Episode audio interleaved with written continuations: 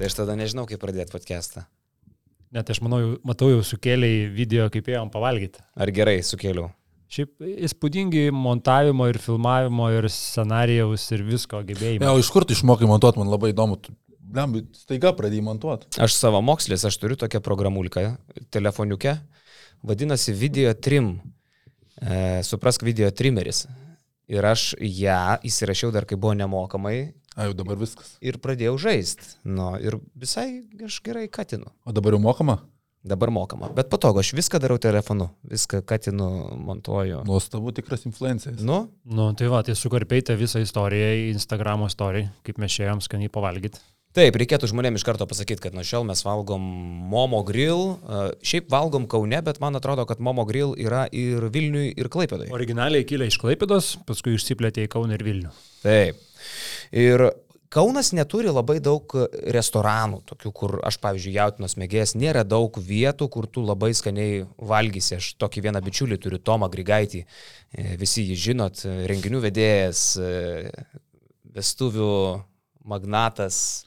Hei, hei, hei. nesigauna, Galvojau, kad, sakysi, fotografas. nesigauna, kad mes dabar Tomui Grigaičiui darom reklamą labiau negu Mamo Grill. Kažkiek, bet tu turi kažkaip įvesti situaciją ir paaiškinti. Va, nu ir aš jo klausiau kažkada, sakau, kur man skaniai nusivest gintarę pavalgyti jautienos, nes aš mėgstu jautieną, tik nemoku jos gaminti, kaip tu jau žinai.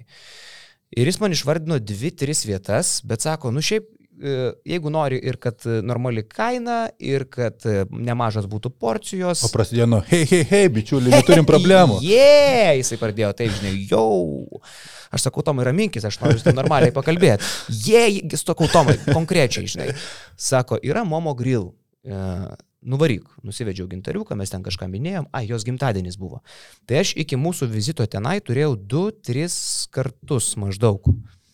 Ir tu man kai pasakėjai, kad Momo Grill nori su mumis daryti dalykus, sakau, dzet, aš galėsiu nemeluoti žmonėm pagaliau, reklamuodamas kažką, nes ten tikrai žiauriai skanu. Tai va, tai tokia mūsų nauja partnerystė.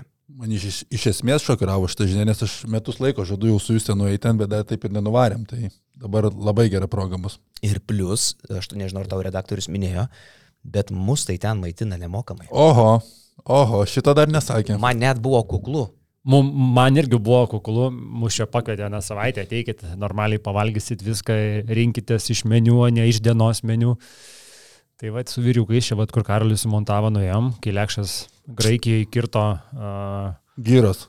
gyros ir tzatziki už, užsitepdavo ant jų, tai mes nuėjom, bet tai Momo Grill. Iš tikrųjų, jo, vie- vieta, kurią smagu reklamuoti, apie, apie kurią smagu kalbėti, nes, nu, jeigu reikia ypatingesniai progai, turbūt ypatingai nueit kažkur tai šventiškiau pasėdėti, bet to pačiu ir ne pernelyg, žinai, šventiškai, kur jau ten jau absoliučiai iki įtemptumo visi šokinėja, nedaug dievė ten baltos, ne, ne, šito, šito nėra. Labai smagiai aptarnavo, šiaip irgi, aš nežinau, kiek čia irgi buvo, žinai, noras įtikti kažkam ar parodyti, bet šiaip Ne, ne, ne, mes. Manau, kad ne. Manau, kad labai... Ai, tu pažįsti? Taip, Aš, aš taip, taip. galvoju, kad jūs labai familiariai kažkaip pradėjote. Ar galvoju, ar čia tiesiog tipinis karolis, ar čia kažkoks santykis yra jau aš. iš- Yra santykis. Ok, supratau. Tai jo, tai... Tai jo, tai ir labai smagiai aptarnavo ir žiauriai skaniai prisivalgėm. Net kažkiek sakėm, buvo gaila taip skaniai valgyti per pietus, nes per pietus tu vis tiek skubi kažkiek ir ten dar laukia tavęs darbai visokie taip toliau. Nusprendžiant iš to, kiek gėrėm, tai netrodo, kad labai, Kad buvo pietus. kad buvo labai rimtų dar darbų. Na iš tiesų taip, 0,3 alaus yra labai daug. Taip. Žiūrovai gali pamatyti. Už nuostabų darbą mūsų redaktorius vedasi mus papietauti į restoraną. Su merginom nutarėm išbandyti visus e, keturis patiekalus, kurie čia yra. Menkė, antienos krūtinėlė, jautinos išpjova erienos kepsnį. Jau birukai pradėjo draskyti. Im kagliu, nesikuklink berniukų. Darbo vietoj garsim, tai bent prisigarsim. Viso gero. Jautienos kapotinis. Vieš padėtų dievę. Čia nėra paprasta tokį dalyką. O, viskas. Agnius drasko bulvės ir šparagus. Tapo antrą. Nuostaba. Mus pradėjo eiti garnyrai. Žalė arena joms. Eik. Daržovės, čia viską pasišymė. Mano jautienikė pilnai iškepta. Nu, tokiam lygiai Agnius šiandien. Pomidoriukai. Ir tie yra nulupti. Mes periname į aukštesnį lygį. Drasko, vyrukai, drasko. Tai va taip mes leidom laiką. Kurioje vietoje yra tiksliai? E, Karaliaus Mindaugo 18, šalia McDonald'o, kurį irgi reklamuojam. Automatiškai. Jo, tai ta viena iš vietų, bet jo, ir Vilniui, ir, ir Klaipėdoj, Klaipėdoj irgi esu buvęs, Vilniui gal tik nesu buvęs Momo Grill, uh, bet uh, jo, viena ta vietų, kur nuėjęs, valgai ir tu supranti, kad va čia yra ta vieta, kur tikriausiai tau taip nepavyktų pagaminti, net jeigu ir labai stengtumės. Na, jeigu, jeigu labai labai labai labai labai stipriai gal ir pavyktų, Žiauriai bet, skanu. bet, bet šiaip tai ta vieta, kur tikrai pagamina skaniau negu, negu tu pats namie pasigamini. Ir kietas dalykas, kad tau pasirinkimas yra neapkraunantis galvos. Keturi variantai, koncentruojasi, karšti patiekalai. Ju- Juos keičia, man atrodo, kas mėnesį tą meniu. Ne, bet keturi variantai, tu tiesiog e, vieną iš jų pasiemi ir let's go. Įžeidžiau tik tai, kad virtuvės šefą pasimdamas pilnai iškeptą jautinos kepsnį, bet čia jau mano bėda, nu aš negaliu, man ne, Tu neskanu. imi? Jo, Šmydėjams laik. Bet nusivesti mane, ne? taip. Gerai. Šiandien galim vėl nueiti. Kažkaip praeitą savaitę sakėm, dažnai neįsim, nes vis tiek... Nepiknaudžiaut, nu biškai nereikia. Dabar žiūri, žiūri, pra kas savaitę šitie našarnikai ateina, žinai, nu tai ką šiandien, ai meniukas nepasikeitęs, matau. Jo. Jau, jau, jau atsibodo mums šitą. Per visą laisvę einam, kad tik tais nuvaryt, žinai, nemokamai. Tai va, tai kol mes e, ryjom Momo Grill, e, pats, kaip suprantu, e, ryjai Rijau. Atenuose. Ir jau Atenuose. Šiaip maistas Atenuose, Graikijoje apskritai man patinka graikiška virtuvė. Gyros, graikiškos salotos favoritai, bet iš kelionės experienco pusės tai turbūt daugiau mažiau kelionė į šiukšlių dėžę galim išmesti. Visai kitaip įsivaizdavau Atenus ir Nu, Čia dabar. aš nelabai iš tikrųjų suprantu, kai bent jau iš to pirmo savo pamatymo, kodėl Atenus laiko vienu geriausiu Europos miestų. Tu eini Atenų gatvėmis, okei, okay, tas Akropolio vaizdas į viršų žiūrėtų užtenka ir labai gražu, bet iš esmės tu eini tomis gatvėmis ir tu matai Graikijos sostinę, Europos ne centrą, kur čia visi kalba, nu ir tu matai, kad, nu, atsilieka tie Graikijoje nuo mūsų Lietuvos, Vilnius, Kaunas, Klaipėda, žymiai gražių sutvarkyti miestai, jaučiasi tu eini gatvėmis jauti skurdą. Tiesiog. Į savo skurdą ar... Ne, jauti Atenus. skurdą. Neteisk, neteisk knygos iš viršelio arba ten, kaip sako, dar pagal suknelę ar kažkaip. La, žinai, gali būti labai skirtingi ir tie, tie pirmieji uh, požiūriai ar pirmieji kažkokie tai įs- įsitikinimai. Aš, aš jau šitą turiu labai puikiai, kad apie miestą negaliu tikrai spręsti iš pirmo apsilankimo. Daug lemia tas pats oras. Ten pas tave lyjo, ne ledukai skalė ir taip toliau. Jo. Kitas visai vaibas, žinai, yra, kai tai yra šiltas klimatas, a, ta, ta visa vakarinė kultūra, jų tas visas jų išėjimas į miestą, valgymas, laiko leidimas mieste vakare. Man, man atenai labiau yra apie tai, apie tą jų tokią Ta laisvą, kultūra, taip, taip. laisvą kultūrą vakare, kaip jie atsipalaiduoja vakarais ir tai yra viena keliauti žiemą blogesnių orų, aišku, dar ten pas juos tos žiemos irgi būna visokios. Sakė, kai aš ir- buvau, va, tuom prasidėjo pirmą buvo žiemos diena, nes Tai iki tol nebuvo nei lietaus, nei tų žaibų. Jo, tai šiaip pats miestas tikrai, jisai to bar, net ne bardako, net nežinau kaip skurdo, galima sakyti ir taip, skurdo nešvaros, purvo, benamių, imigrantų, kas irgi labai pa, pa, paštrėjo paskutiniu metu, turi, turi labai daug ir jisai gal kažkam ir gali, bet man, pavyzdžiui, Man priešingai, aš kai, aš kai nemėgstu labai nučiūsti tų vietų, tai man atenai su savo tokiu lengvu bardakėliu man jie kaip tik labai patinka. Bet e, labai mažai žmonių Oakoj buvo. E, futboliukas vyko dėl to, ar čia taip jau jie nusivylė to Panatinaiko su savo? Jau pastaruoju metu pradėjo rinktis ten Juaką, sakė apie 5000, tai jau prieš mačą sakė, jeigu bus 5000 šiandien bus labai gerai, dar futbolas Pavo tą vakarą pralaimėjo, tai dauguma, nes visai aš galvoju, kad yra tam pačiam komplekse Fulė stadionas ir Uaka, bet visiškai kitoje miesto pusėje pasirodo Fulė stadionas, tai daug kas net po pralaimėjimo iš futbolo neperėjo į krepšinį, tai pirmajame kilne tai girdėjosi žalia balta, žalia balta, žalgeris, žalgerio saujelė buvo nugrūsta į patį arenos viršų, bet vis tiek geriau girdėjosi negu tie susirinkę vietiniai. Bet nu, po to, po pertraukos įvyko tai, ko aš turbūt nebuvau matęs per visą, visą savo krepšinio karjerą, kiek stebiu, nes tai pasikeist, pats Kazys e, dar sakė, kad e, prieš, prieš intervą, kad, nusako, aš irgi atsimenu moksleivių krepšinėje, kai dirbdavau, būdavo, kad tu namie ten gali laimėti 30 taškų, nuvažiuoji išvyką, kokį ten Jurbarką ar Ariogalą, atvažiuoja jų vietiniai teisėjai, tai ten pralaimėti gali 30, bet taip, kad po dviejų kelnių vyrų krepšinėje viskas apsversta aukštyn kojomis ir 40 taškų skirtumas į kitą pusę, nu tai sako, neatsimnu to gyvenime. Gerai, bet kažkas pagaliau gali paaiškinti, kaip taip nutiko, nes vieni kalba apie tai, kad atėjo kažkoks tai magas prezidentas į Panatinaikos rūbinę ir per didžiąją pertrauką pakalbėjo taip įkvepiančiai, kad jie tiesiog sukilo ir, ir tapo kita komanda. Dar kiti šneka apie tai, kad Žalgeris ten kažkokį miego režimą nusimušė rungtynės nelaiku ir ten jau miego laikas atėjo, suprask ir komanda užmygo. E, Nu, kažkokia logika turėtų būti tokio rezultato - minus 40 po didžiosios pertraukos. O kad žinok, tu esi arenui ir tu taip žiūri pirmus tos du kėlinius, jauti, kad Žalgeris yra visą galvą aukštesnis, atrodo net, kad žaidžia prieš tą patį peristerį ar poką, kurį tas čia pastaraisiais mėnesiais laimėjo ir kad tik tai spavo turi ryškesnius vardus, bet pats žaidimo lygis, pats stilius, nu, nelabai ko skiriasi nuo tų komandėlių ir nu, mes tai jaučiame, tai žaidėjai manau, kad irgi taip pajaučia, kad nu, mes atrodo geresni ir tada, kai tu trečiam kelnyje ateini gal kažkiek atsišniuravęs jau, patikėjęs, kad tu tikrai esi geresnis ir laimėsi tą, tiems pradeda kristi tritaškiai, perėsas lytent, nežinau, ko tampa Alino Iversonu. Ir tada jau tu žiūri, kad tu nieko nebegali pakeisti, jau viskas traukinys nuvažiavęs. Tai man atrodo, tas ir buvo vėl. Žalgeris Kaune pasimovė ant to pačio ir man atrodo, kad atėnusi lygiai tas pats buvo, tik tas, kad šį kartą skirtumas buvo tai, kad Žalgeris gerai pradėjo rungtynės. Galėjo man tą kalėtį išleisti Tėnus jau, ne, kaip pagalvojai, paskutinės Eurolygos rungtynės buvo ketvirtadienį, e, jau kai skirtumas buvo ten minus 20 ir Bet viskas kam, aišku. Ta prasme, man tai čia dar dėsnė nepagarba būtum. Tai kam mesti žmogų, šaltą žmogų, kuriam, ku- kuriam ir taip, aš manau, jisai tą ir buvo pasakęs ir, ir treneriui, nu, kad jam jau tokiam amžiui, būnant į žaidėjų, įeiti šaltam ten trečią kėlinio Simboliškai, ten simboliškai atsisveikinti su pradžioj, Eurolyga. Nežinau. Nežinai, kada gal būtų logiška buvę. Vietoj Davido Gedraičio minučių ir pats Kazis Maksvytis parungtinius sakė, kad blogiau tikrai nebūtų buvę, dar tada nebuvo nuvažiavęs traukinys, bet tie du prarasti kamaliai persivarant aikštę, tai prieš Perisalį, elitinį gynėją, vienas prieš vieną, Davidas Gedraitis nėra žaidėjas, tai manau, kad Kanietis gal ir nebūtų praradęs tų kamalių. Tie Gedraičio epizodai labai gerai parodė jau, kokia buvo Žalgerio tuo metu būklė visos komandos, kritinė, tiesiog gavę iš e, šlapio skuduro per galvą. E, Va, bet, em, nu, yra kaip yra, čia jau seni dalykai, koncentruojamės dabar į tai, kas bus ir dar galim nueiti į tai, kas buvo vakar. Tai vakar buvo vienos keiščiausių rungtynių, kokias esu matęs gyvenime.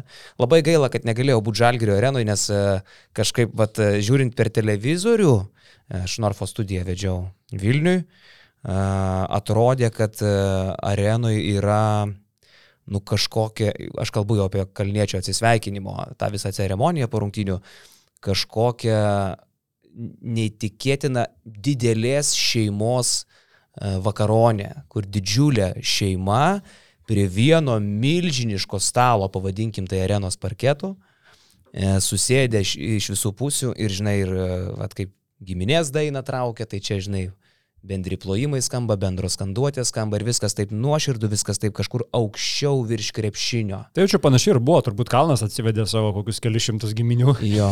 nes jisai ir tą pats minėjo. Ir e, pirmoji eilėje sėdėjo žmona su vaikais, mama ir mačiutė. Brolis su žmona ir vaikais, mačiau, buvo kitoj pusėje, ten turbūt ir daugiau buvo giminių, nu, jie, jie buvo pasibarstę, bet tikrai nemažai giminių atėjo. Bet šiaip kaip ir sakei, aš irgi turėjau pokalbį su bičiuliu prieš rungtynės ir jisai yra abonemento turėtojas ir jisai sako, šį kartą matosi net publika kitokia atėjus negu Eurolyginėse rungtynėse. Šiek tiek vyresnių veidų daugiau, ne? Ir šiek tiek vyresnių. Mamų. Aš sakyčiau, čia buvo grinai Kauno publika. Žinai, į Eurolygą atvažiuoja tikrai nemažai ir Vilniečių, ar iš kitų miestų. Čia, manau, buvo grinai Kauno publika, kurie atėjo atsveikinti su, su savo kauniečiu.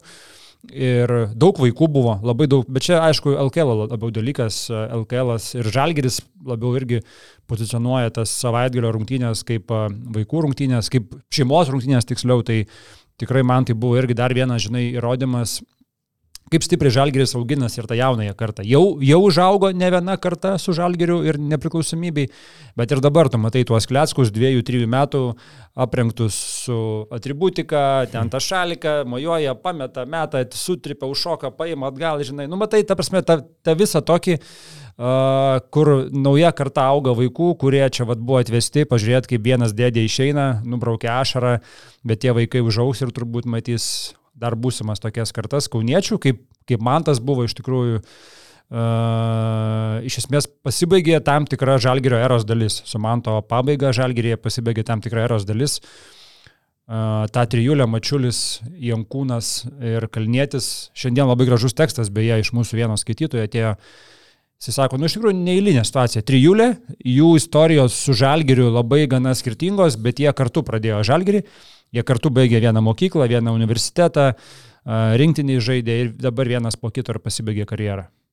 Tai baigėsi realiai šita trijų kauniečių era žalgerį. Bet keistas dalykas, ko gero tai buvo pats jautriausias e, žaidėjo atsisveikinimas Lietuvos krepšinio istorijoje. Aš nieko nepamenu jautriau. Jankūno buvo toks ilgas, e, jautrus, e, gal kažkas ir nubraukė kokią ašarėlę, bet, sakykime, na, taip solidžiau, kažkaip tai išlaikyčiau. Su Jonu Mačiuliu, na, apskritai tas atsisveikinimas gavosi toks keistesnis, nes kaip ir jis jau nebežalgyrėtis Milaknis, su juo, na, kita kalba, jisai dar ir nebaigė karjeros, bet irgi kaip ir suprantam, kad žalgyrį turbūt nežais. O vad su Mantu Kalniečiu gavosi super jautriai. Aš galvoju, čia keli dalykai susidėjo. Vienas tai yra, kad pats žaidėjas parodė išskirtinį scenarijų, kai tu išeini vidury sezono, e, kai tavo žodžiai atsisveikinimo yra, kad e, aš daugiau dabar padėsiu komandai iš jos išeidamas negu čia likdamas. E, aš atiduodu pinigus savo, aš nebesigilinu, nes man realiai svarbu žalgeris. Tai čia vienas dalykas, šitas labai jaučiu, sujautrino žmonės. Ir jis labai gražiai pajokavo po rungtynių, mm. kalbėdamas, sako, va dabar padėsiu žalgeriui išeidamas. Taip, žinai. Taip. Toks, tai, toks irgi, kažkaip galiu padėti, sako. Jo, tai. jeigu, jeigu galiu padėti, tai padėsiu išeidamas. Tai. Toks eilinis irgi pavyzdys, vad kaip jisai sugeba save patraukti per dantį net tokioje situacijoje. Ir kitas dalykas, aišku, paties kalniečio elgesys tos ceremonijos metu. Mes, mes buvom susitikę su juogi papietauti praeitą savaitę ir jis pats sakė, sako, aš labai bijau tų rungtynių su Jonava, nes žinau, kad po jų man reikės kalbėti, kad bus ta ceremonija ir sako, nežinau, ar aš atlaikysiu. Jis iškart sakė, aš apsižliumsiu. Sako, aš apsižliumsiu. Ja, ja. Ir Aš tiesą sakant galvojau, na, žinai, gal ir išlies kokią ašarą, bet kad tai bus taip jautru, nu žinok, aš vakar Norfo studijoje ten e, pasėmęs tą GAU3 transliaciją, nes nerodė per BTV, aš atsisukau, Aš o, tu, o tu gali taip sakyti, kad e, būdamas Norfo studijoje tu nežiūrėjai BTV, nes jie nerodė ir turėjai per GAU3 žiūrėti. Tai galiu turbūt, gal ir negaliu, nežinau, bet tai buvo, nes, nu, nes tiesiog, čia, čia buvo nesusipratimas. Bet čia kita tema galėsim dar apie tai pakalbėti. Ja. Ir aš žiūriu visą tą, aš e, aikosiuką prie lango užsidegęs, aš bliaunu kaip mergaitė. Va tokiam lygiai. Paskui gintarė paskambina irgi apsižliumbus, vis apsiešarojus. Grįžtų namo, rodau dar kartą jai tą kalbą, žinai, sakau, dar kartą pasižiūrėsim, gintarė vėl į ašaras maksimaliai, žinai. Paskui su kuo be pasikalbu irgi iš aplinko, žinai, nu, ta, su Vaitekūnu Paulium kalbos irgi kietas, didžiai, viskas ten putiovas, žinai. Jie, jie, jie, jie, renginių vedėjas, bičiuliai. Irgi sako, gyvenime taip nekriokiau. sako, neatsimenu, kada taip verkiau. Tai buvo kažkas, nu, vat, tokio, kur, sakau, jau nebe apie krepšinį, apie kažkokį tai va savą bičią, kuris, kaip sakyt, sakė, kalnas iš žalgerio išeina, bet žalgeris iš kalno niekada, žinai. Nu, matai, čia mūsų kartai turbūt labiausiai, tai nes mes su, jais, su juo realiai užaugom, bent jau aš, tai mhm. absoliučiai ir pats Kalnas iš savęs tokia asmenybė, kad, nu, turbūt vienas jautriausių krepšininkų, sportininkų Lietuvos ir jisai labai gerai viską perteikė, tas tavo irgi geras pastebėjimas, kad kaip jisai atsisveikina su žalgiriu, kokiu metu. Ir tokių apskritai, aš galvoju, kai aš augau, man tokių pavyzdžių, kad vyktų atsisveikinimo tokie grinai būtų ir kalbos, pavyzdžiui, Arvidas Sabonis, kai baigė karjerą, nebuvo, jokių, jokių rungtinių nieko taip nebuvo, kad jisai kalba, pasakytų ir panašiai. Tai tuo metu, kai aš buvau mažas vaikas, dabar, kai tie maži vaikai va, vakar arenoje matė, tai manau, kad tikrai užaugę prisimins būtent va, to, tokius va, išlydėtuvės. Tai irgi padaro, manau, nemažą įtaką ir ateities kartoms augančiams.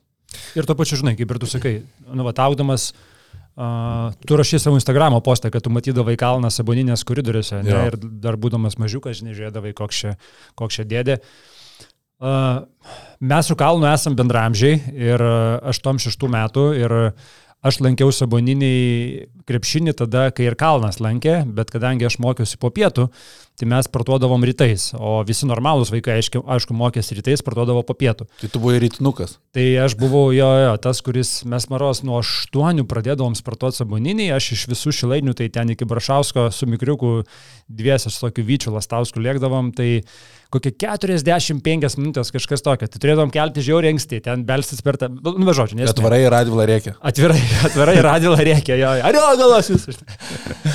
tai, žodžiu, mūsų keliai nesusikirto tiesiogiai, bet, nu, mes toj savo grupėje žinojom, kad ten tie, kur po pietų sportuoja, ten yra ir Andriuškevičius, kuris ten jau tuo metu, jisai visą laiką buvo ryškiausias. Aš atsimenu, kai Radvila vieną kartą atėjęs jau į Trefkę, vat mum ten tiem, nu mes tokie realiai tokie. Mailius. Outs- Outsideriai, tokie mailius jo, tokie, kur kaip ir, kaip ir čia, bet kaip ir tokie palikti.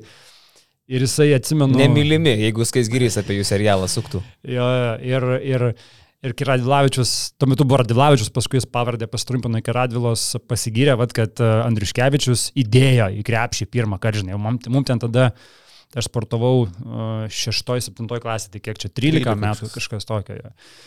Nu ir to pačiu žinom, kad Kalnietis toks yra. Aišku, Kalnietis nebuvo ten tuo metu pats ryškiausias, kaip e, prognozuotų, nu, bet vis tiek realiai nu, visus, visi tos savo bendramžius žinom, žinai. Ir, ir kai augom ir sakau, ir man, man paskui po kelių metų buvo toks irgi šokeris, kuris dabar, kai pažiūrė, jisai gal skamba žiauriai kvailai, bet aš e, važiuoju viešuoju transportu.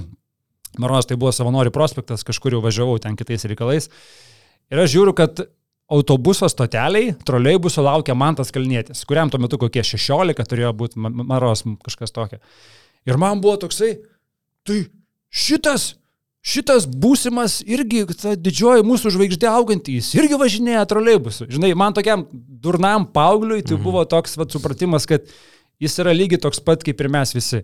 Ir galvoju, čia yra mano viena istorija, kur mes šiandien publikavom uh, kito skaitytojo laišką, irgi i- i- labai, jisai gražiai papasakojo, kad Kalnietis buvo toksai kaip kasininkė, kurią tu žinai labai gerai savo parduotuviai, bet tu tai kasininkė esi tik vienas iš tūkstančio, kuris kasdieną praeina ir jinai gal tavęs net nepastebi, bet tu tą kasininkė labai arti savęs laikai, tu ją pažįsti, žinai, tau fainai.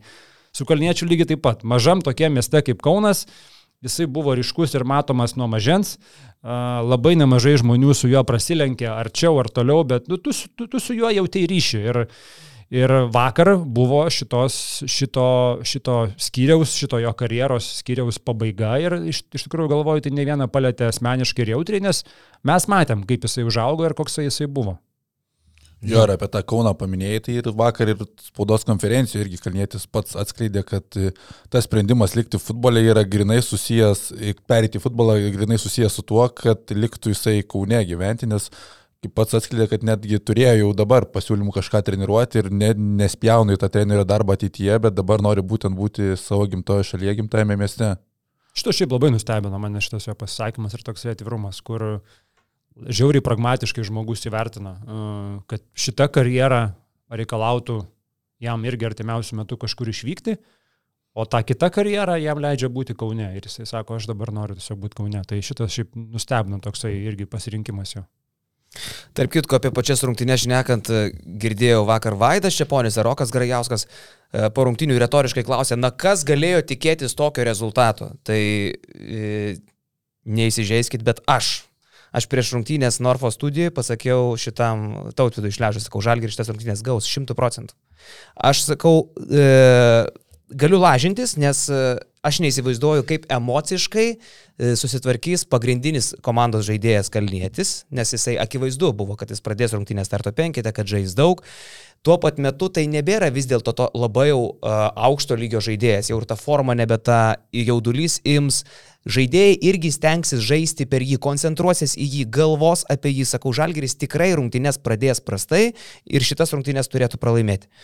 E, Nenustebino manęs visiškai Jonavos pergalė. Tuo labiau, kad tai yra gera komanda, tai ne koks nors e, garždai ir prienų labas gas, kur tu galbūt ir pusę kojo žaisdamas juos nupūsi. E, Prien, e, Jonava yra gera komanda. Tai manęs rezultatas visai nenustebino, kas mane e, maloniai, taip visai, vat, kaip sakyt, nuteikė, nudžiugino, kad po pergalės Jonava nesidraskė, ten ne kažką, o garbingai atstovėjo aikšteliai, plojo per visą tą e, kalniečio pagerbimo ceremoniją e, kartu su visais. Ir, sakykime, jie jau paskui nuėjo į savo autobusą, pasidžiaugė tą pergalę, nebejotinai ten gal tūsino grįžę į Jonavą, bet arenui jie e, suvaldė save ir labai kultūroj, labai gražiai e, atidavė pagarbą kalniečiai, o ne savo, nereikia, kad čia mes, jie, žinai. Jie irgi gi suprato, kad, na, jie išnaudojo labai gerą situaciją. Virgis kaip geras vagis, e, kol, žinai, e, mato, kad vyksta balius, žinai, visi kažką, tai jisai tyliai nuėjo į šeimininko seifą, atsirakino, įsidėjo turtus Ir dar pastovėjo su ta tašytė, pasižiūrėjo, kaip viskas sekasi ir išvažiavo. Jis labai, labai, labai viskas korekt. Taip ir turėjo būti. Mane būtų nustebinę žalgerio pergalę. va. Ir aš mačiau kažkokių tai replikų, neva šeškus čia sugadino šventę, taip toliau. Ta prasme, kaip turėjo elgtis ta pri- priešininkų komanda, jinai turėjo kažkaip atnešti pergalę suviniotą, žinai, į, do, į, į dovanų kažkokią tai dėžutę. Nu tai čia niekas būtų nesupratęs, kalnėtis labiausiai būtų to nesupratęs, jeigu kažkas būtų pradėjęs pasidavinėti, kad jo šventė būtų gražesnė. Nu tai, tai, tai yra sportas, tai yra krepšinis, laimi tą vakarą stipresnis. Ir kaip sakei, Žalgiris turėjo kur kas daugiau emociškai dalykų kitų uh, sukovoti, o Jonava atėjo ir pasinaudojo tą situaciją. Bet Tai man jau ne pirmą kartą Jonava užbaigė kažkieno iš Žalgirio karjeras. Ir Zdovco karjerą užbaigė Jonavoje praeitą sezoną ir Kalniečio. Ir abu kart laimėjo Jonava ir abu kart pasinaudojo Žalgirio problemomis tuo metu. Tai e, bravo. Mane žinai tik tas, kas nustebino iš Jonavos pusės šitos rungtynėse, kad Jonava tikrai gera komanda šiemet ir jeigu tai būtų normalios, paprastos LKL rungtynės, tai kaip ir suprastum jų tą susitvarkymą, bet tu žaidži prie 10 tūkstančių, iš tų dalies žaidėjų net nėra tokios atmosferose žaidė, bet jie labai tvarkingai su visų tom emocijom patys susitvarkė ir daugiau mažiau kontroliavo rungtynės, tai po pertraukos ten Žalgiris buvo perėmęs iniciatyvą, bet Jonava labai greitai sugrįžo. Bet gal ne visai su tavim sutikčiau, jie, nes jie yra patyrę žaidėjai. A, Imk Huskičių, imk Bičkauskį, imk Laksą, imk Šulskį, imk Garetą, Edviną Šeškų, tai nebėra jaunikliai. E, Tas pats e, Glinas Watsonas. e, Bet tokių atmosferų nėra vis tiek, žinai. Nedaug, nedaug, faktas, bet tai žinai, tai nėra patsanų komandėlė. Ir šiaip, nu, vėl reikia priminti, kad tai yra stipri komanda. Dabar jie ir Beglino Watsono gerai atrodė, jie kurį laiką net pirmavo LKL, tas kurį laiką, tai čia gal po 8-9 turų, tai jau sezonui įsibėgėjus. O Watsonas, nu, parodė ir aš jau jį trečią kartą šį sezoną matau, ką jisai rodo, kai dega situacija, kai reikia ketvirtam kilnyjo indėlio. Du kart žudė Neptūną, belė kokiais metimais, dabar tą patį darė su Žalgiriu. Tikrai fantastiškas pirkinys vidury sezono.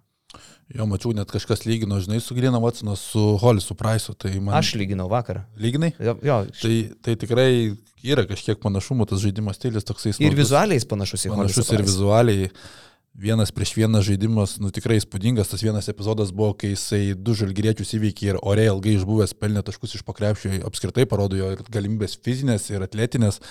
Tai šitas patinka, man dar atrodo, kad nu, nurašomas net kartais pernelyg yra Huskičiaus žaidimas. Vakar jisai nepadarė kažkokios didelės įtakos taškais, bet kai centras prie žalgerį sugeba išdalinti septynis rezultatyvus perdimus per 25 minutės, tai nu, man čia yra kosmosas. Jo vidurkis LKL 5 pasai, jisai lyderis. Tokį centrą tu turi. komandai. Tai. Taip, nu jis absoliutus yra.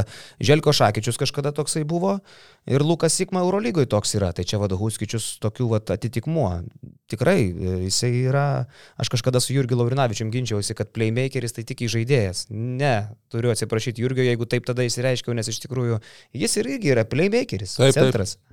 tai nori treneriai dažniausiai turėti penkis playmakerius ir dabar pamatai tokią Jonavą, jeigu tu kažkaip galvoji, kad rytas pusnalį rytui labiau pasisekė negu žalgeriui, žalgeris gavo lietkabelio, rytas Jonava, tai nieko panašaus, Jonava yra tame pačiame lygmenyje. Ir labai ant bangos atrodo, emociškai pasitikintis. Aišku, neaišku, kokio, ko- kokio rimtumo bus Šulskio trauma, nes vakar dar nebuvo, tai žinoma. Bet šiaip vakar Šeškus pasidžiaugė, kad uh, Žalgiris taip įvertino ir vat, pasirinko Jonovą kaip tą komandą, prieš kurią kalnėtis baigs. Čia tiesiog taip gavos, kad artimiausios LKL namų rungtynės buvo su Jonava. Čia turbūt jokio didesnio plano nebuvo ir, ir tiesiog pasisekė Jonovai, kad jie, kad jie šito vietoj buvo. Bet matėm, kad iš tikrųjų rungtynės ir iš Jonavos pusės, uh, iš Jonavos fanų, žiūrovų pusės, aš buvau nustebęs. Ten jie viršui uh, gavo sektorių savo, užpildė tą sektorių labai solidžiai. Du žmonės su vėliavom atvažiavę, mojuoja, Būgnai. būgno kalą. Yra va tas dalykas, žinok, šį sezoną LKL yra kelios fanų grupės, kurios mane labai maloniai stebina. Dėl to, kad jos anksčiau to nedarydavo. Gausiai, gausiom pajėgom keliauja į išvykas. Į Jonavą važiuoja visur, Jonavos fanai visur, ne tik atvažiuoja, bet jie į Klaipėdą pakeliui dar atiduoda autobusą komandai, kurią jisai sugėdo. Uh, Utena važiuoja gausiai, Lietkabelis šį sezoną fantastiškai keliauja irgi fanai. Uh, tai tikrai krenta tas į akis. Dar norėčiau Žalgirio fanus pagirti. Vakar Visvaldas Matijošaitis išėjo įteikinėti kalniečių marškinėlius, spausti rankos ir galvoju, va dabar tai bus. Dabar tai galvoju bus. Ir uh, nieko, vienas kitas švilptelėjimas, bet va čia yra branda.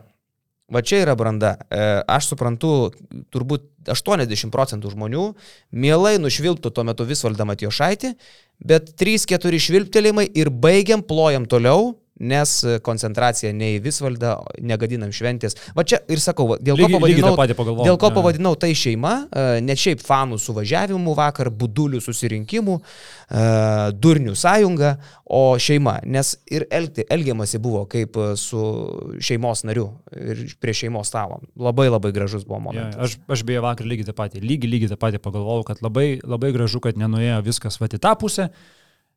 Ateina, tą ranką paspaudžia, tą įteikia, jo momentas yra 3-4 sekundės, negalvojam apie jį, apie jį nešnekam, apie jį nešvilpiam, viskas yra apie kalną.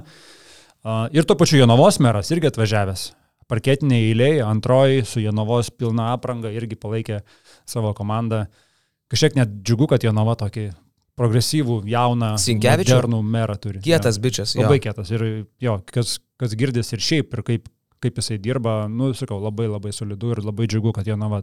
Aišku, Jonava iš viso yra Kauno praktiškai priemestis, Kokį nemažai. kosminį Jonava pasistatė baseiną, ten iš viso dabar visi važiuosi į Jonavą maudytis. Mhm.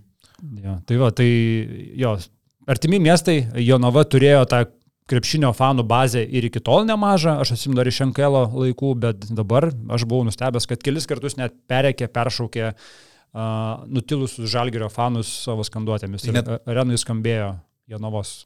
vardas. Kažkiek net priminė Oaką situaciją, kai Žalgirio fanai girdėjosi Oaką, jo vakar buvo momentų, kada Jonavos fanai iš viršaus būgna daužė ir Jonava Jonava girdėjosi, tai tas taip. O po rungtynių dar Kazis Maksvitis ganėtinai stipriai pasisakė, kad e, šiandien buvo rungtynės Manto Kalniečio, bet buvo, kas norėjo daugiau to dėmesio prisimti. Tai Apie, o čia apie ką jis, apie teisėjus? Aš tai supratau visiškai apie Aš teisėjus. irgi apie teisėjus. O kas ten tokio buvo? Buvo keli švilpukai, buvo keli žingsniai įdomus, buvo viena pražangėlė e, polime, man regis, irgi tokia įdomesnė. Buvo, buvo tokių įdomių švilpukų, kurie vienu metu trupučiuką padėjo Jonavai sugrįžti rungtynės. Nu, Bet, bet čia jo, žinai, čia gal emocijos. Labiau gal emocijos. Nemanau, kad e, ten močiutei, man to e, mamai, žmonai, vaikams ten buvo labai tos rungtynės svarbios. Šiaip aš taip įsivaizduoju, kad... Nu, retas atvejis, sutikit, baigėsi rungtynės žalgeris pralaimi, niekas nežiūri tą švieslentę visiems nusispjaut. Tai vat, apie tai buvo. Keistos tikrai rungtynės, Mhm. realiai. Tikrai labai labai. Šiaip keista. jokinga gana yra nuotrauka po visko, kai pozuoja visa komanda jau su kalniečiu, e, su tais marškinėliais įpakuotais. Ir lietuviukai, žinai, vis tiek, nu, čia pralaimėjom, čia negali šipsoti, čia turi būti, žinai, toks piktas, nes čia, tipo, kaip dabar aš šipsosios, brasdeikis visas. Pozuojam nuotraukai, kalnėtis, viską, žinai. Ir va čia man toks amerikietiškas, žinai, kanadietiškas atsipalaidavimas. Nu, tos rungtynės, šiukšlių dėžėjos jau realiai, ta prasme. Mes čia pa- papasuokim tai nuotraukai gražienį. Ne, lietuviukai visi turi būti rimti, žinai, čia pralaimėjom. Mm. Toks, ah, ja. Mane tai vakar gintarė nustebino, matėt kokį postą dėjo? Matei Ne. Instagram'e, ne? Aš, dar, Aš mačiau, jo. Matei? Aš dar sėdėjau Vilniui, e, aš pusės nežinojau šitų faktų. Aš skaitau ten, ma- man tu į meilę prisiekinėja kažką tai. Tai pradžioje kaip ir gal susinervint, bet paskui galvoju, nu ne, nu ką čia. Tai taip, jo, buvau, buvau nustebęs šitoje vietoje. Dėliojamgi mes praeitą savaitę tuos e, Manto Kalniečio dalykus ir pliusų straipsnėje. Jo, bet gal prieš dėliojant dar padarom dar vieną integraciją, nes turim šiandien dar vieną ypatingą O! svečią. Čia tu apie šitą, ne? Padėliojam. Tai žiūrėk, tai mes gavosi taip, kad e, geriau, geriau aš tą matę. Ir prikalbėjai, kad jie ateitų čia pas mus. Tai iš tikrųjų aš turiu savo rinkinuką, tu gavai iš jų. Aš čia esu pats susipirkęs viską. Jo. Tai viskas prasidėjo nuo to, kad šį kartą Karolis buvo tas, kuris a, nepagailėjo pinigų, susipirko, su- suinvestavo Ir į... savo, ir gintariai dar nupirkau. Ir kalabasą, ir bombilę. E, Bombilė čia yra toks reikaliukas šiaudelis su filtru gert arbatai, kalabasa yra e, matės e, ritualinis indas, iš kurio geriama, nors sako ne tik ritualinis, bet jisai atskleidžia ir arbatos visą kokybę, skonį, nu, tokią tradiciją. O mes su Lekšu, kaip Ką jūs čia gavot? Mes gavom šitą patį nemokamai tiesiog. Parodyk žmonėm. O, žinai, ką jūs gavote? Pas mane yra keramikinė kalabasa, jų yra e, trys variantai. Geras. Keramikinė, bambukinė gal? Čia yra, čia pas jūs yra ta tradicinė. Čia yra kažkoks- Šita geresnė, žinau. Ar čia moliūgas, dabar neatsimenu, reikia pasiskaityti. Net viduje dar matosi likęs. Jo, tai jums reikia šitą išsiplaut, visą kitką prieš gerimą. Tai gal, galit Matės klubas LT paskaityti ir kaip e, pasiruošti pirmajam Matės gerimui. Bet čia realiai yra visas ritualas, aš taip suprantu. Šitos jūsiškės yra man šiek tiek patogesnės. Aš gal iš tavęs Jonai vieną nukosėsiu, kalabasą va šitą. Štai. tai. Aš jums galiu parodyti, kaip pasigaminti šitą arbatą. Ok. Pradėkim nuo to, kad man užrodė i, ir šitus pirkinius sudėliojo, į mano krepšelį sudėjo, man tik pavedimą beliko padaryti Edgaras Ulanovas. Katrasgi, uh, jūs turbūt jau esat girdėję, prieš kiekvienas Eurolygos rungtynės atsineša kažkokį va tokį va panašų į mano dalyką ir Hebra buvo nustebus, ką jis ten geria. Tai jisai pasiekė Laprovitolos, Mesi, ten kitų tenisininkų, futbolininkų Aš yra pietų amerikietiškas gėrimas. šiaip. garsių sportininkų jo keliu. A, Atsisako Hebra kavos ir geria visokius tokius. Vat būtent šitą geria Ule. Mhm. Aš nežinau, ar čia yra gerai, ar čia yra blogai. Jūs gavo tokį pradinukų rinkinį, aš iš karto perėjau į Eurolygą. Štai tai. Yra tik tai viena bėda, kad e, iš tikrųjų man gerokai permušinėjo širdis pirmą savaitę, kai aš šitą sėgiau. Nes... Gal tu Tai gal dozę reikėjo pradėti nuo, nuo startinio, startinio paketo. Tai man Ulė sako, sako, tu labai neskubėk, bet aš jau žinai, jau aš kai jau einu maudytis, aš jau ir piršto nekišu, aš jau einu visas. E, Matės klubas LT, pasižiūrėkit, yra net video. Čia net tipo skirta pravalyti, ne? Jo, jo, jo. Yra video, kaip skirtingai galima darytis, yra visokių technikų. Čia mes darėm tradiciniu būdu paruošimą matę. Šiaip ją galima ruošti ir paprastai. Į podelį, žaik, susipylė, užsipylė, tik tai svarbu ne per karšto vandens. Ir geri. Čia aš pasidariau daug kartinio gerimo. O šiaip tas jeigu vienkartinio, tai gali ir simple pasidaryti. Nebandėjai stebeko po šito kalabaso. E, Blemba nebandžiau, bet aš tau pasakysiu, yra toks įdomus reikalas. Aš dabar beveik atsisakęs kavos, šiaip tai jos reikėtų visai atsisakyti, Ulė, tarkim, visai nebegeria. Tai man, aš sakau, Ulė, kam tu geri? Sako, koncentracijos lygis laikosi labai ilgai, nekala tau iš karto, o palaipsniui. E, energijos lygį visą dieną palaikai jos gurkšnodamas, bet nepersistengdamas. Ir esmė, kad, nu, ne tik tai energija, bet ir toks concentrated esi, toks aštrus. Tai žinok, man atrodo, aš žinai, čia daug kas psichologijos dar, dar turbūt yra, bet man patinka, aš tikrai gerai jaučiuosi ją, ją lakdamas. Tai va, tai kai aš pradėjau ją gerti, aš sakau, Juliukui, tu susisiek su tais matės klubas, nes sakau, čia tikrai, vat kaip e, su Momo Grill kalbėjom, nu tikrai fainas dalykas, e, skanu gert, yra prasmės, yra naudos, kur norėtųsi ir žmonėm papasakot, nes aš kai čia vat šitą pradėjau gurkšnot, papasakau, kad Ulė geria, man daug žmonių irgi pradėjo rašinėti, ką tu ten geri, kas ten yra, kaip čia pasidaryti, kur tu perki. Tai va, Hebrytė, matės klubas LT, reikėjo dar įkalbinėti juos čia ateiti, nes Hebra dar neįsivažiavus, šaibų daug neturi, mes ten jiems kažkokią tai nuolaidą čia irgi padarėme. Ir tuo pačiu Bet jie, norėtųsi, kad jie prasimuštų. jie pritaiko nuolaidą visiems, kurie pirks, išgirdę reklamą būtent pas mus. Nuolaidos kodas yra Basket News, e, 15 procentų visiems jūsų pirkiniam, kuriuos darysite matęs klubas.lt. Padaryti jum. Nu, reiks bandyti stoti matęs klubą. Čia padarom pauzę, aš jums padarau greitai, gerai? Tai žiūrėk, tu pasidarai iš ryto ir po to vis užsipilnėja, ne? Jo, tu gali šitą užsipilnėti, va dabar abiem vyrukam padariau 15-20 kartų, priklausomai nuo to, kiek įpyliai žolelių. Šiaip tai, e, sakau, du trečdaliai e, turėtų būti užpildyti kalabasos e, žolelėm. E, Išgeri, vėl dasipili iš termosiuko karšto vandens ir taip varai. Čia galima gerti? Jo, jo, nu gali palaukti minutę, bet jau jausi. Arbatėlė. Dar kartelį, matęs klubas.lt, e, šiuo adresu nuėję, apsiperkate, kas jums širdis geidžia, su kodu basketinius 15 procentų nuolaida. Ir visi apsipirkę su šiuo nuolaidos kodu iki vasario 5 dienos imtinai, tai yra iki tos dienos vidurnakčio, automatiškai dalyvaus žaidime ir vasario 6 a, bus paskelbtas laimėtojas. Kad sužinotumėt laimėtoją, pasiekite Matės klubo puslapį e, Facebook'e, Facebook paskyroje. Jį pasiekus, ten sužinosite vasario 6, kas laimėjo prizą. Gerai. Tai va, gerai, o ką, dabar persikeliam į, tas, į, tuos, į tuos savo, tas savo lentynas. Mm.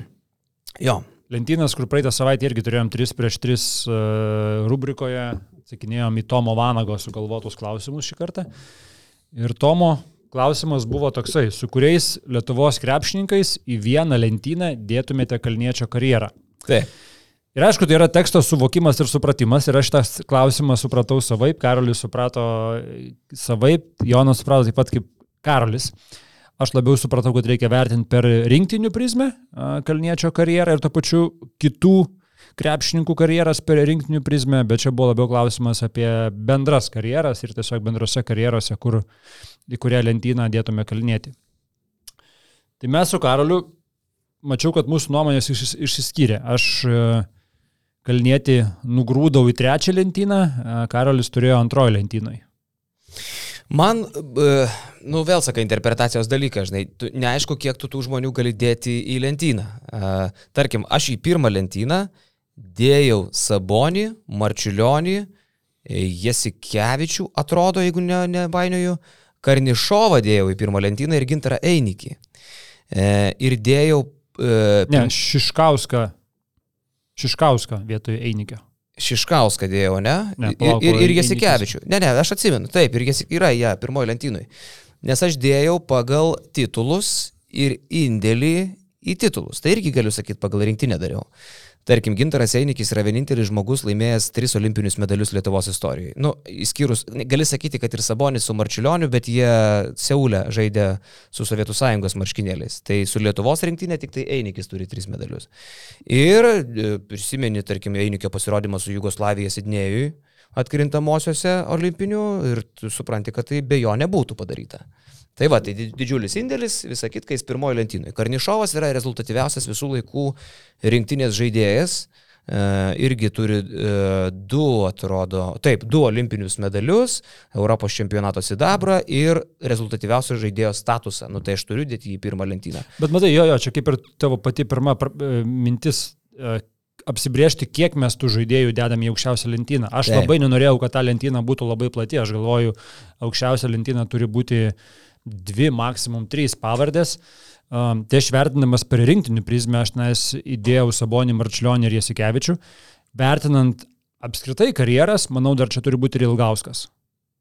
Aš dėčiau ir Ilgauską, man, mm, man, man čia yra aukščiausia, aukščiausia lentyna. Bet jis nieko nepadarė, net ir klubiniam krepšinėje. Tai, okei, okay, dalyvavo visų žvaigždžių savaitgalį, bet NBA nėra laimėjęs. Nėra laimėjęs, be žaidės dviejose NBA finaluose. Buvo vienas topinių NBA žaidėjų per savo piką. Man tai trūksta, ta prasme, tada gali sakyti, žinai, e, Sabas žaidė ten konferencijos finale, buvo per žingsnį nuo finalo, irgi ten puikus blazeriai tuo metu buvo septynių rungtynių serijų, Lakers ir, pralošė. Ir ilgamžiškumas, kokio ilgio karjerą Ilgauskas turėjo NBA, nepaisant to, kokios buvo jo sunkios traumos. Ja. Metų naujokas. Matai, bet jeigu mes pridėsim klubus, tada Jasikevičius yra tiesiog e, aukščiau už visus. Jasikevičius žaidė žemesniam lygiai. Euro, Europa, Eurolyga vis tiek yra žemesnis lygis už Bet NBA. Bet NBA nelaimėjo Ilgauskas. Nu vis tiek, tu nu, tai, lygiai laimėta Eurolyga ir tai nelaimėta NBA. Aš, aš suprantu, žinai, kur tu linki. Keturis kartus aš. Aš suprantu, kur tu linki, bet e, man ilgamžiškumas uh, ir pasiekimai to pačiu Ilgausko tokiam aukštam lygiai, mhm. man tai yra labai svaru. Man tai, man tai yra svariau negu ten okei, okay, Einikio trys medaliai skamba labai rimtai, bet aš negalėčiau dėti vieną lentyną Einikio karjeros ir Ilgausko karjeros. Nežinau. Nu, taip, sutinku, šiaip sutinku. Gal labiau rinktinę reikėtų vertinti. Aš vertinau turbūt 80 e, procentų rinktinė, 20 procentų klubai. Nes Šiška pas mane atsidūrė dėl to, kad yra Europos čempionas, turi olimpinį medalį ir yra, atrodo, du kartus Šiška laimėjęs Eurolygą, taip? Su Caskais laimėjo. Ir su Panatinaikos laimėjo. Taip, tai va, tai dėl to jis atsiduria. Bet tarkim, Robertas Jeftokas, kuris neturi olimpinio medalio, bet yra laimėjęs Eurolygą, jisai pas mane yra antroji lentynoje. Nes e, turi Europos čempionatų medalių daug su Lietuva, e, apskritai medalių su Lietuva, e, pasaulio čempionato bronzą ir yra laimėjęs Eurolygą, bet antroji lentynoje. Tai vad pas mane antroji lentynoje atsidūrė žmonės, kurie individualiai buvo kieti, labai geri, bet titulų tiesiog turėjo mažiau. Tai vad man tas kalnėtis dėl to tenai su Macijausku, su, dabar net neatsimenu, su Gaila, Mačiulis, nu, Eurelijus Žukauskas. Eurelijus Žukauskas. Šiaip Domanto Sebonio nepaminėjai čia dar šitam visam sąraše. Bet Domas neturi titulų. Bet žinai, pagal ką mes žiūrim, čia, žinai, čia reikia sutarti pagal ką vertinti. Nes jeigu mes vertiname tik tais pagal rinktinių, pas mane Kalnas, aš žiūrėjau pagal klubinius pasiekimus, pagal e, rinktinės, iš viskas šalia ir pagal bendrą garsinimą tiesiog šalies. Tai Kalnietis čia pas mane patiktų į trečią lentyną. Bet jeigu tu žiūrėtum tik į rinktinių, tai kodėl Kalnas ne pirmoji? 20 bronza 13-15 sidabras, be kalniečių jis nebūtų pasiektas ir mes ar turim kitą tokį žaidėją, kuris mm. nuo 26 metų be pertraukų jokių iki 221 atstovauja rinktiniai. Tai jeigu tu vertini tik iš rinktinės prizmės, tai aš nematau. Nesutinku, jeigu tik iš rinktinės ir tik tai titulus, nu gerai, titulus ir indėlį, tai tada mes turime... Ir ilgamžiškumą. Taip, tai mes tada turim pasverti, kas yra aukščiau, ar Europos sidabras, ar olimpinė bronza. Aš manau, kad be konkurencijos olimpinė bronza. Bet du Europos. Tai gerai, tai Einikis turi Ir, tris, pasa, tris ir vienintelė pasaulio čempionato bronza. Vienintelė. Bet tu žiūrėk, dabar dedam ant svarstyklių. Einikis, imam Einikį, ne? Daug pavyzdžių, bet imam Einikį, bus lengviau. Trys olimpinės bronzos ir e, Europos sidabras prieš Manto Kalniečio du Europos sidabrus ir pasaulio bronzą. Bet įnikis kelintas žmogus rinktinį buvo tuomet. Nu, aš, tai gerai, imam Sabonį, Tai sabas pirmoji lentynai, šimtų bet procentų. Kalnietis nėra pirmoji lentynai. Nu, nežinau, aš sakyčiau, jeigu, nes nuo 26 iki 220 mes neturėjom nei, nei vieno tokio žaidėjo, kuris būtų ilgamžiškumas čia pirmiausia, man apie Kalniečių eina. Ir jisai buvo pagrindinis rinktinės žaidėjas tiek metų, tai pirma, antra galbūt lentyna, bet jeigu tu žiūrėtum Bet grinai- vėl, im tada Jasikevičių, ne? E, Irgi ilgamžiškas, e, ilgai varė. Pirma lentyna. E, Tai, tai, tai dėl Jasikevičius klausimų nėra, pirma lentyna, bet ar a, žiūrėk, Jasikevičius yra, turi Europos auksą. Viskas. Vienintelis auksas per visą nepriklausomos Lietuvos istoriją, kaip bebūtų liūdna, yra e, Jaskos, plus olimpinė bronza. Aš manau, kad dar Ir, žiauriai, oli, ir žiauriai, Europos e, bronza pas Jaską dar yra. žiauriai yra svarbu ir apsibriežti, kiek mes į pirmą lentyną galim pavardžių sukišti. Nes jūs, jūs čia vardėjat labai daug pavardžių ir aš nemanau, kad pirmoje lentynoje gali būti penkios pavardės. Ar ten jo labiau dar daugiau. Aš manau, kad sakau, kad pirma lentyna turi būti, nu jau gautai.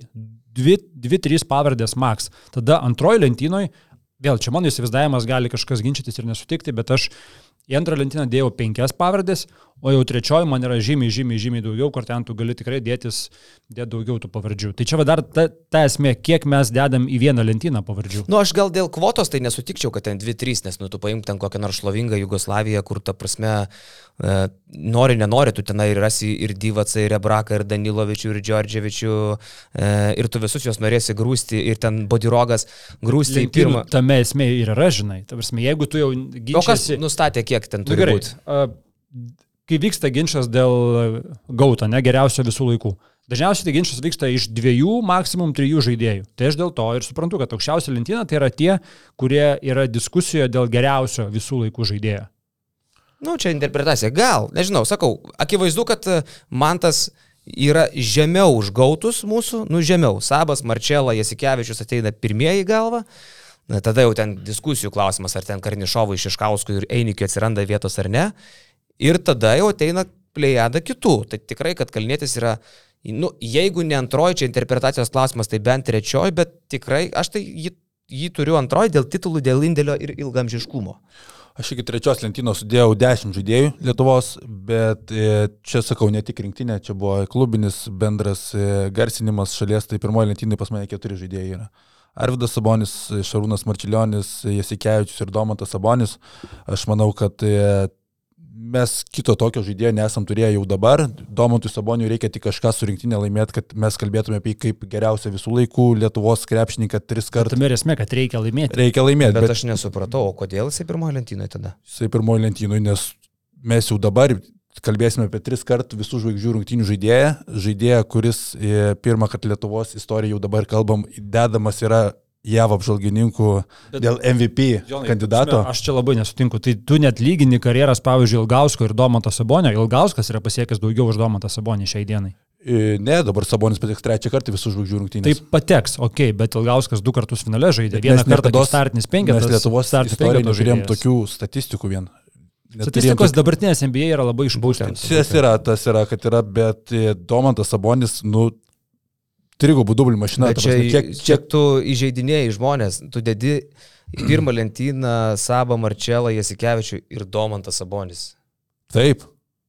Ta prasme, tai mes tokio žaidėjo neturėjom. Taip, nu gerai, tada, bet tada tu gali į, įdėti ir Kleizą.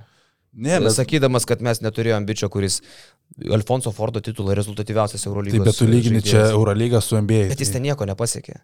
Visų žvaigždžių rungtynėse žaidžia statistiką, iš esmės. Nu, žmonės renka Bet jis statistiką. yra išskirtinis tarp išskirtinių. Bet jisai žaidžia silpnose komandose, mm, kurios nieko nelaimi, neaišku, ar jis ten kažką tai laimės. NBA visų žvaigždžių savaitgalį Šie metai yra, yra- žaidusių daug. e, Yra išimtis pavardžių. Domanto Sabonio. Šie metai tikrai, kuris jau minimas tarp top, top 10 NBA žaidėjų, aš sutinku, kad šiais metais tikrai jisai kūrė istoriją. Bet nežiūrint, dar šie metai nėra net pasibaigę, dar jis oficialiai net nėra Alstaruose.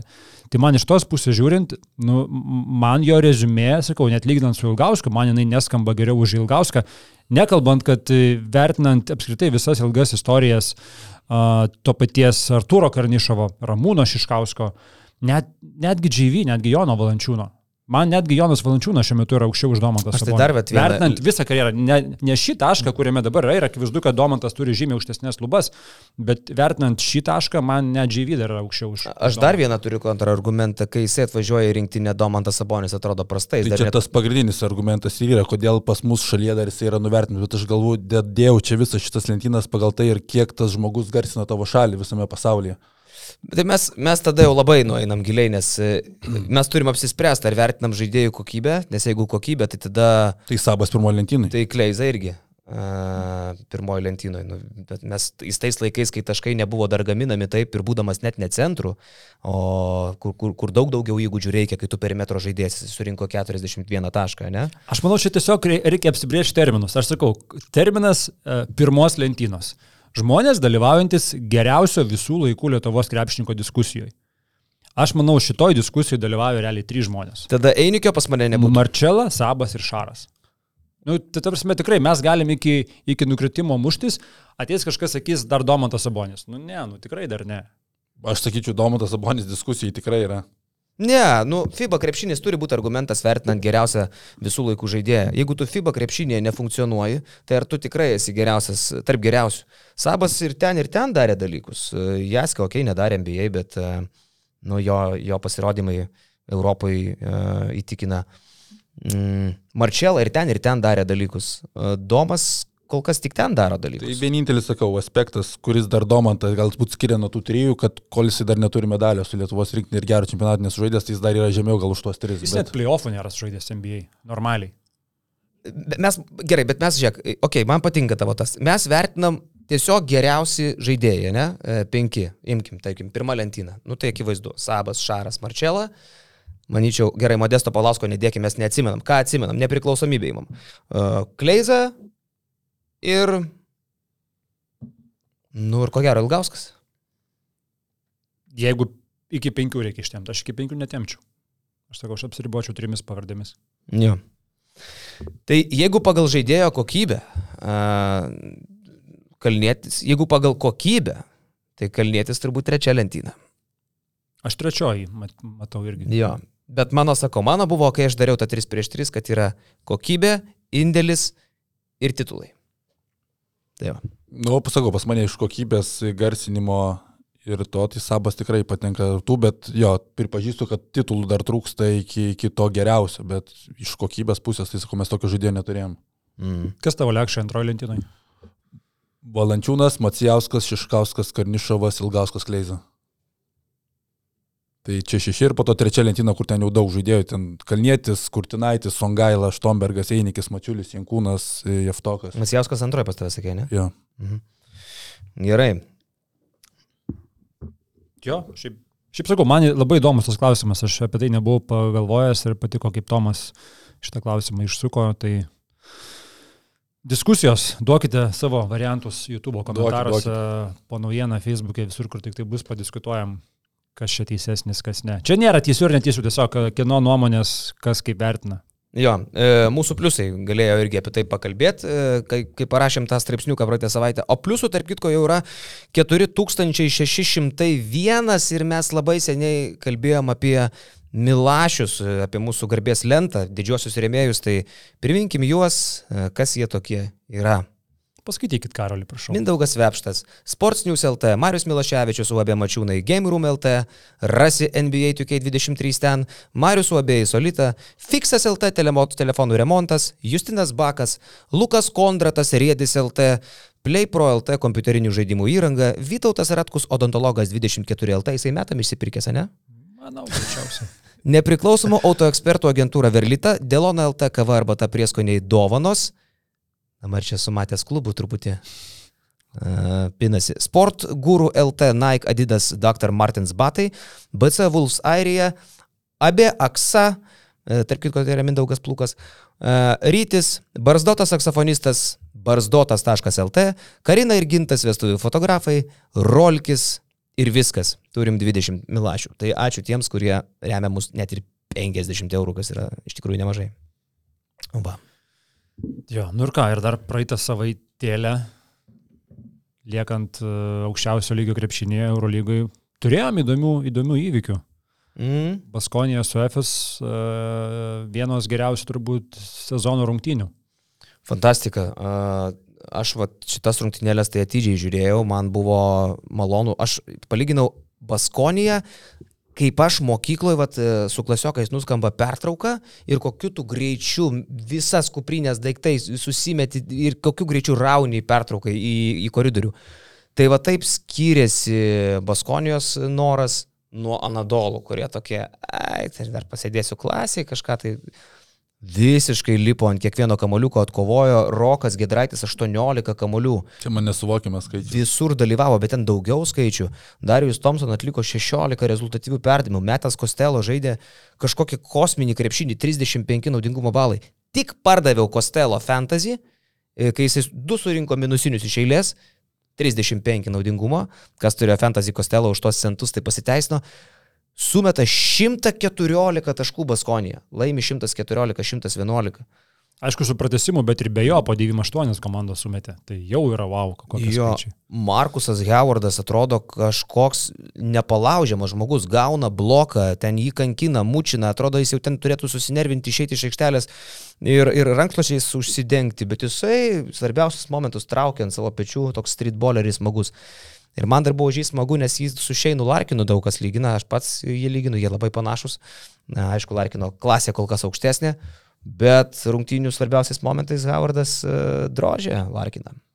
Mane tai net jau pykina tie Nadolo FS Bayeriai, ta prasme, jie Čia pirmavo, mūsų varžovas trečiadienį. vis, visą mačą pirmavo, sugeba kažkaip prasileisti rungtynių pabaigoje, išsitraukė Baskonė pratesimą ir į, į laimi 10 pergalių 11 pralaimėjimų balansas Anadolo FS, turint tokią komandą, kur, nu, tu atrodo, gali viską čia laimėti Eurolygoj, aš nesuprantu tikrai.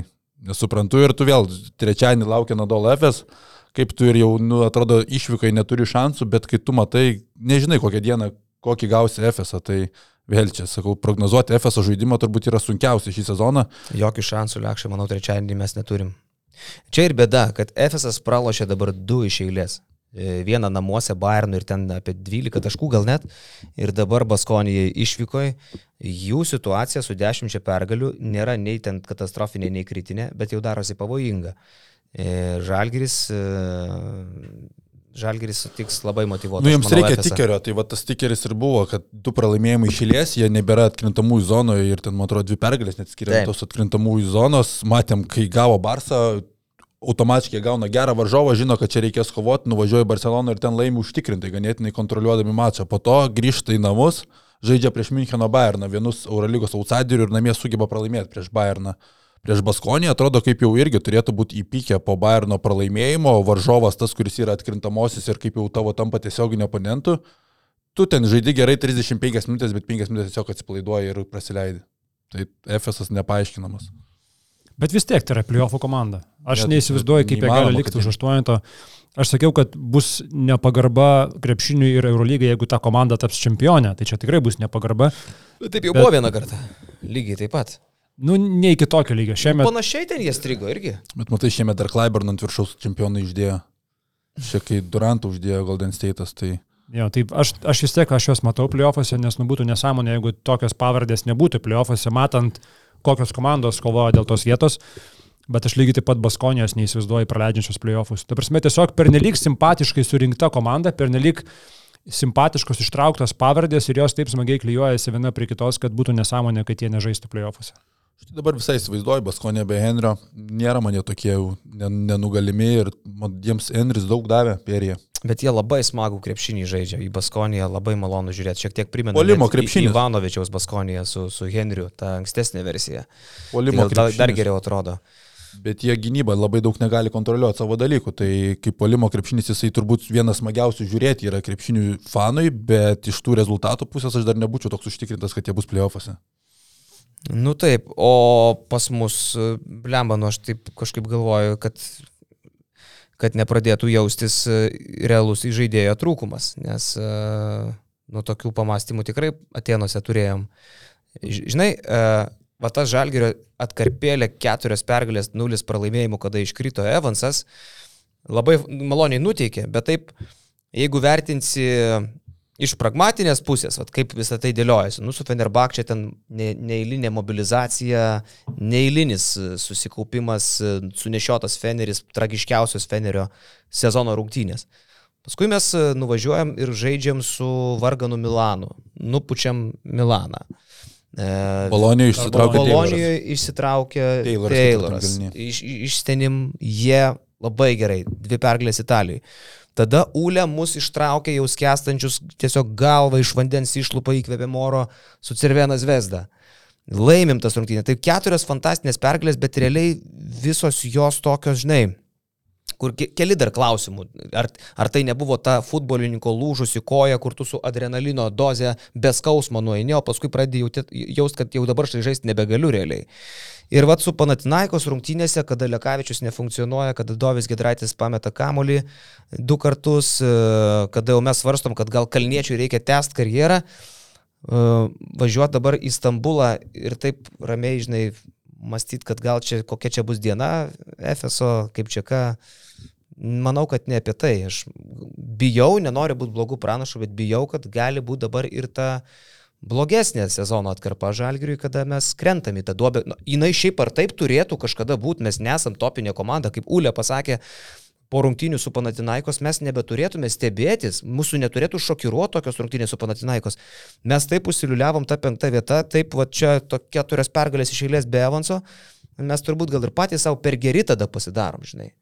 Jo, kad mes nesam tokie gražus, kaip ta lentelė parodo, tai čia yra faktas. Atenuose bendrau tiek su Evaldu Beržininkaičiu, tiek su Pauliu Matijūnu. Jie tos finalo ketvirto kalbas iš visų užausų imasi ir net nu, ne žodžių nenori užsiminti ir jiems labai tas nepatinka, kad čia atsiranda visuomeniai dar tokių galvojančių, nes nu, ant popierių sako, mes tikrai nesam finalo ketvirto komanda, viską turim išsikovoti. Bet popierius net nėra pliofų komanda. Be jokios abejonės.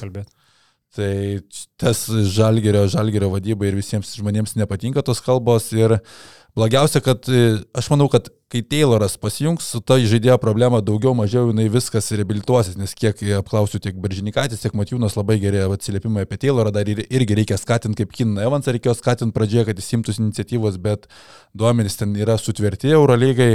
Blogiausia, kad ta Tayloro trauma kaip jau praėjusią savaitę kalbėjom, prieš tą atkarpą, kuri žalgiui labai svarbi Eurolygoje, čia tas minus taškas prieš Madnaikas, kada jau turėtų imti, Anadol FS ok, praleidžiam čia jau ekstra taškas būtų jį pasimti, bet po to namie Partizanas ir Baskonė, tai yra rungtynės, kurias reikia laimėti, o jose nebus Tayloro, tai čia liūdniausia žalgiui yra tai, kad to žaidėjo nebus būtent per šitą atkarpą. O Partizanas irgi visai gerai atrodo, žiūrėk dabar su e, Zvezda, e, kaip tvarkingai sukovojo, realiai, kad ir atkakli kova buvo, bet Partizanas buvo visų rungtynių metų realiai geresnė komanda. Jau įsižaidęs Partizanas, čia dabar ta serija. penktadienio varžovas. serija irgi fiksuoja, gal sakyt, kad jie gal išvykose žaidžia praščiau, bet nu vis tiek, dabar Partizanas jau yra tas ir pretenduoja grinai į atkrintamasis. Abu du prašiau ir Baskonė labai, labai skiriasi kaip jie namie ir kaip išvyko. Partizanas namie 7-3, Baskonė namie 9-2, išvykose Partizanas 3-8, Baskonė išvykose 3-7. Tai nu, kardinaliai skiriasi iš tos komandos. 3-7, žinai kiek Makabė yra išvykos? Dar baisiau. 9-2. Jo. Makabi turbūt, neturbūt, o tikrai didžiausi skirtumai. Geriausiai namie žaidžianti komanda, blogiausiai išvykose. Jo. Bet Partizanas, Partizanas dabar per aštuonias rungtynės laimėjo šešis kartus ir kas dar man nepatinka per tas dvigubas savaitės, kad Partizanas vėl turės vieną dieną daugiau laiko, tai jie antradienį žaidžia namuose prieš Asvelį, Žalgiris skrenda, dar trečiadienį žaidžia Stambulė, ketvirtadienį keliauja atgal ir jau penktadienį žaidžia su Partizanu, tai Partizanas turi vieną dieną daugiau pasiruošti ir tai, kad jie dar pirmą mačą žaidžia namuose. Tai... Bet tu žinok, aš vakar vat, ruošiausi su Kleiza, ten tai apžvalgėlė, aš pasižiūrėjau, čia visos komandos dėl tokių dalykų kenčia. Kenčia, kenčia, tai bet Čia- šitą savaitę taip sutampa Žalgiriu, kad Jo. jie kenčia. Čia nėra, nėra, žinai, kad vieniems gerai, kitiems jo, tai blogai. paskaičiuota Visi tą patiria per sezoną. Tos, tos, kas atlaiko, tas čempionai, žinai. Jo, o klausyk, tu prieš podcastą sakai, kad apie rytulę girdėjai, a, apie kandidatus ryto naujienų kažkokio? Ai, nu tai kad rytas jau kurį laiką jūs praėjusią savaitę su Donatu Urbanu apžvelgėt, e, ten, kad rytas ieško to ketvirto numerio, dar kurį laiką rytas irgi svarstė, ko jiems labiau reikia, kaip ir sakiau, ar, ar to ketvirto numerio ar žaidėjo, nes trūksta lyderystės ten ir perimetrė jiems. Svarstė ir dar svarsto apie žaidėją. Irgi dar jeigu atsirastų variantas, nes sako, apskritai tokiu metu čempionų lygos komandai išsitraukti gerą variantą yra sunku, nes matome, ką Eurolyga irgi pati diktuoja, kokias madas turi išsitraukinėti žaidėjus net be patirties, neturinčių daug Europos. Šabazas galiausiai vėl atvyksta į Europą, Milanas pasirašo pats rytas. Ir Norėjo išsitraukti netgi Mindaugą Kuzminską iš Turkijos, kadangi jo klubas iškrito iš čempionų lygos. Čia neseniai?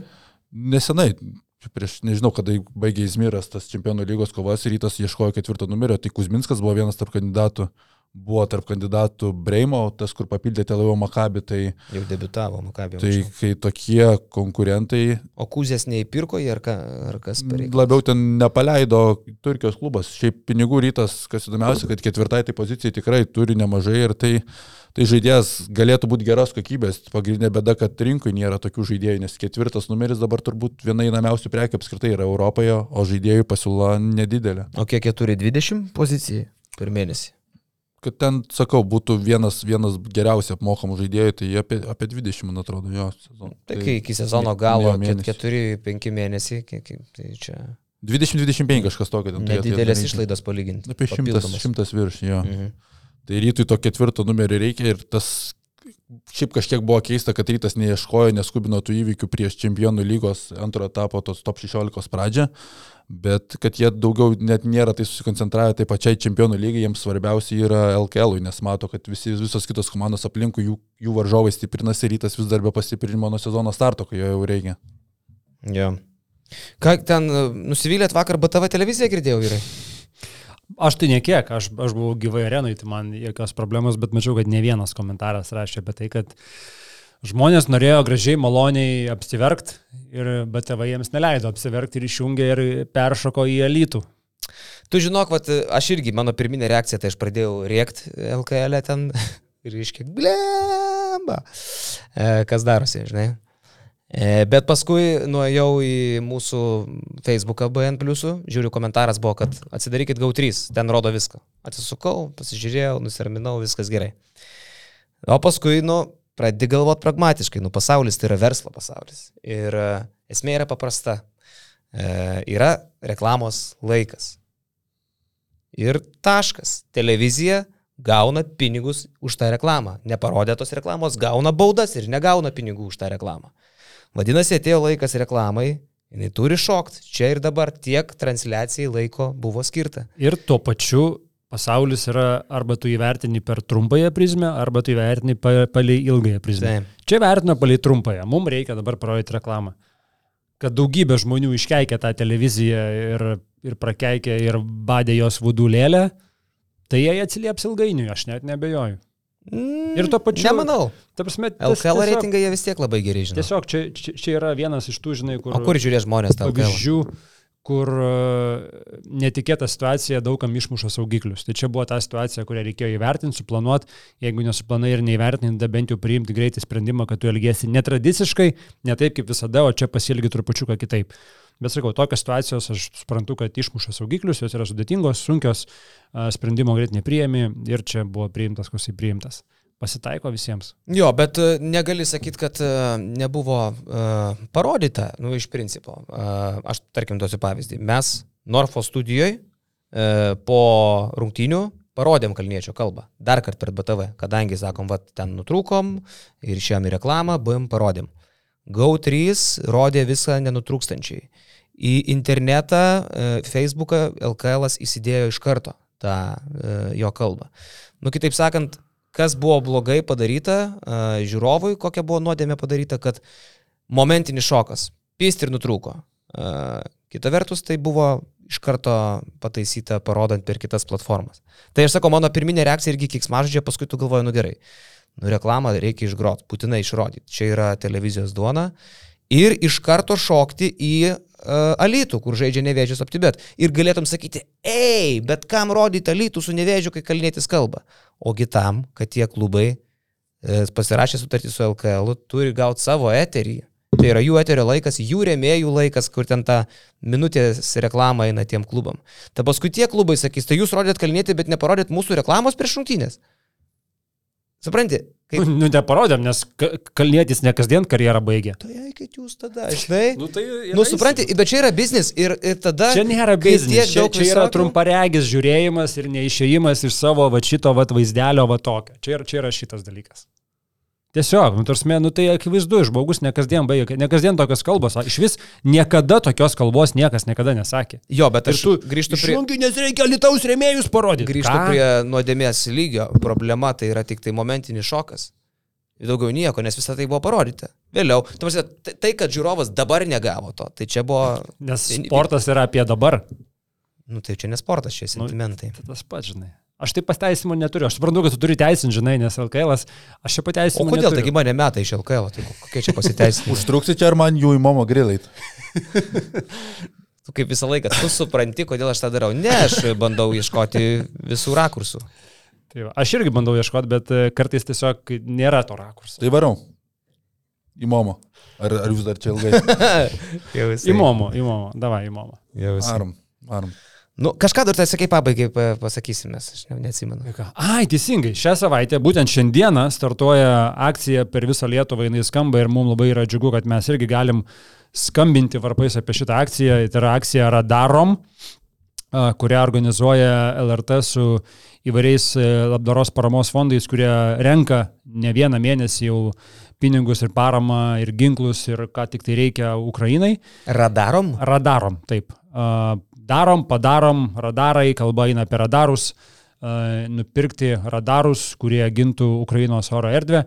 Ir ši akcija tęsiasi iki vasario 24. Vasario 24 dieną visą dieną bus tiesioginės transliacijos, kada ypatingai bus akcentuojama apie, apie mūsų paramą Ukrainai, bet e, šita akcija startavo jau šiandieną. Galima arba siunčiant SMS paukoti 5 eurus, arba per a, pavedimą bankinį skirti bet kokią sumą, kurios negaila. Tai visa informacija yra darom.lt. Gražu ir iš tikrųjų nesinori tok, tokių metinių turėti, kokie bus vasario 24, toli gražu. Apskritai nesinori, kad tokių įvykių būtų, bet jeigu jau kažkaip galima pažymėti tokią, tokias metinės, tai manau, čia yra tas būdas, kuriuo mes galim pažymėti. Jo, aukojam, nesustojam. Ačiū, kad žiūrėjai šį podcastą. Paspausk like, taip bus pamatys dar daugiau žmonių, arba prenumeruok kanalą ir gausi informaciją iš karto. Nuo dar daugiau turinio BN ⁇.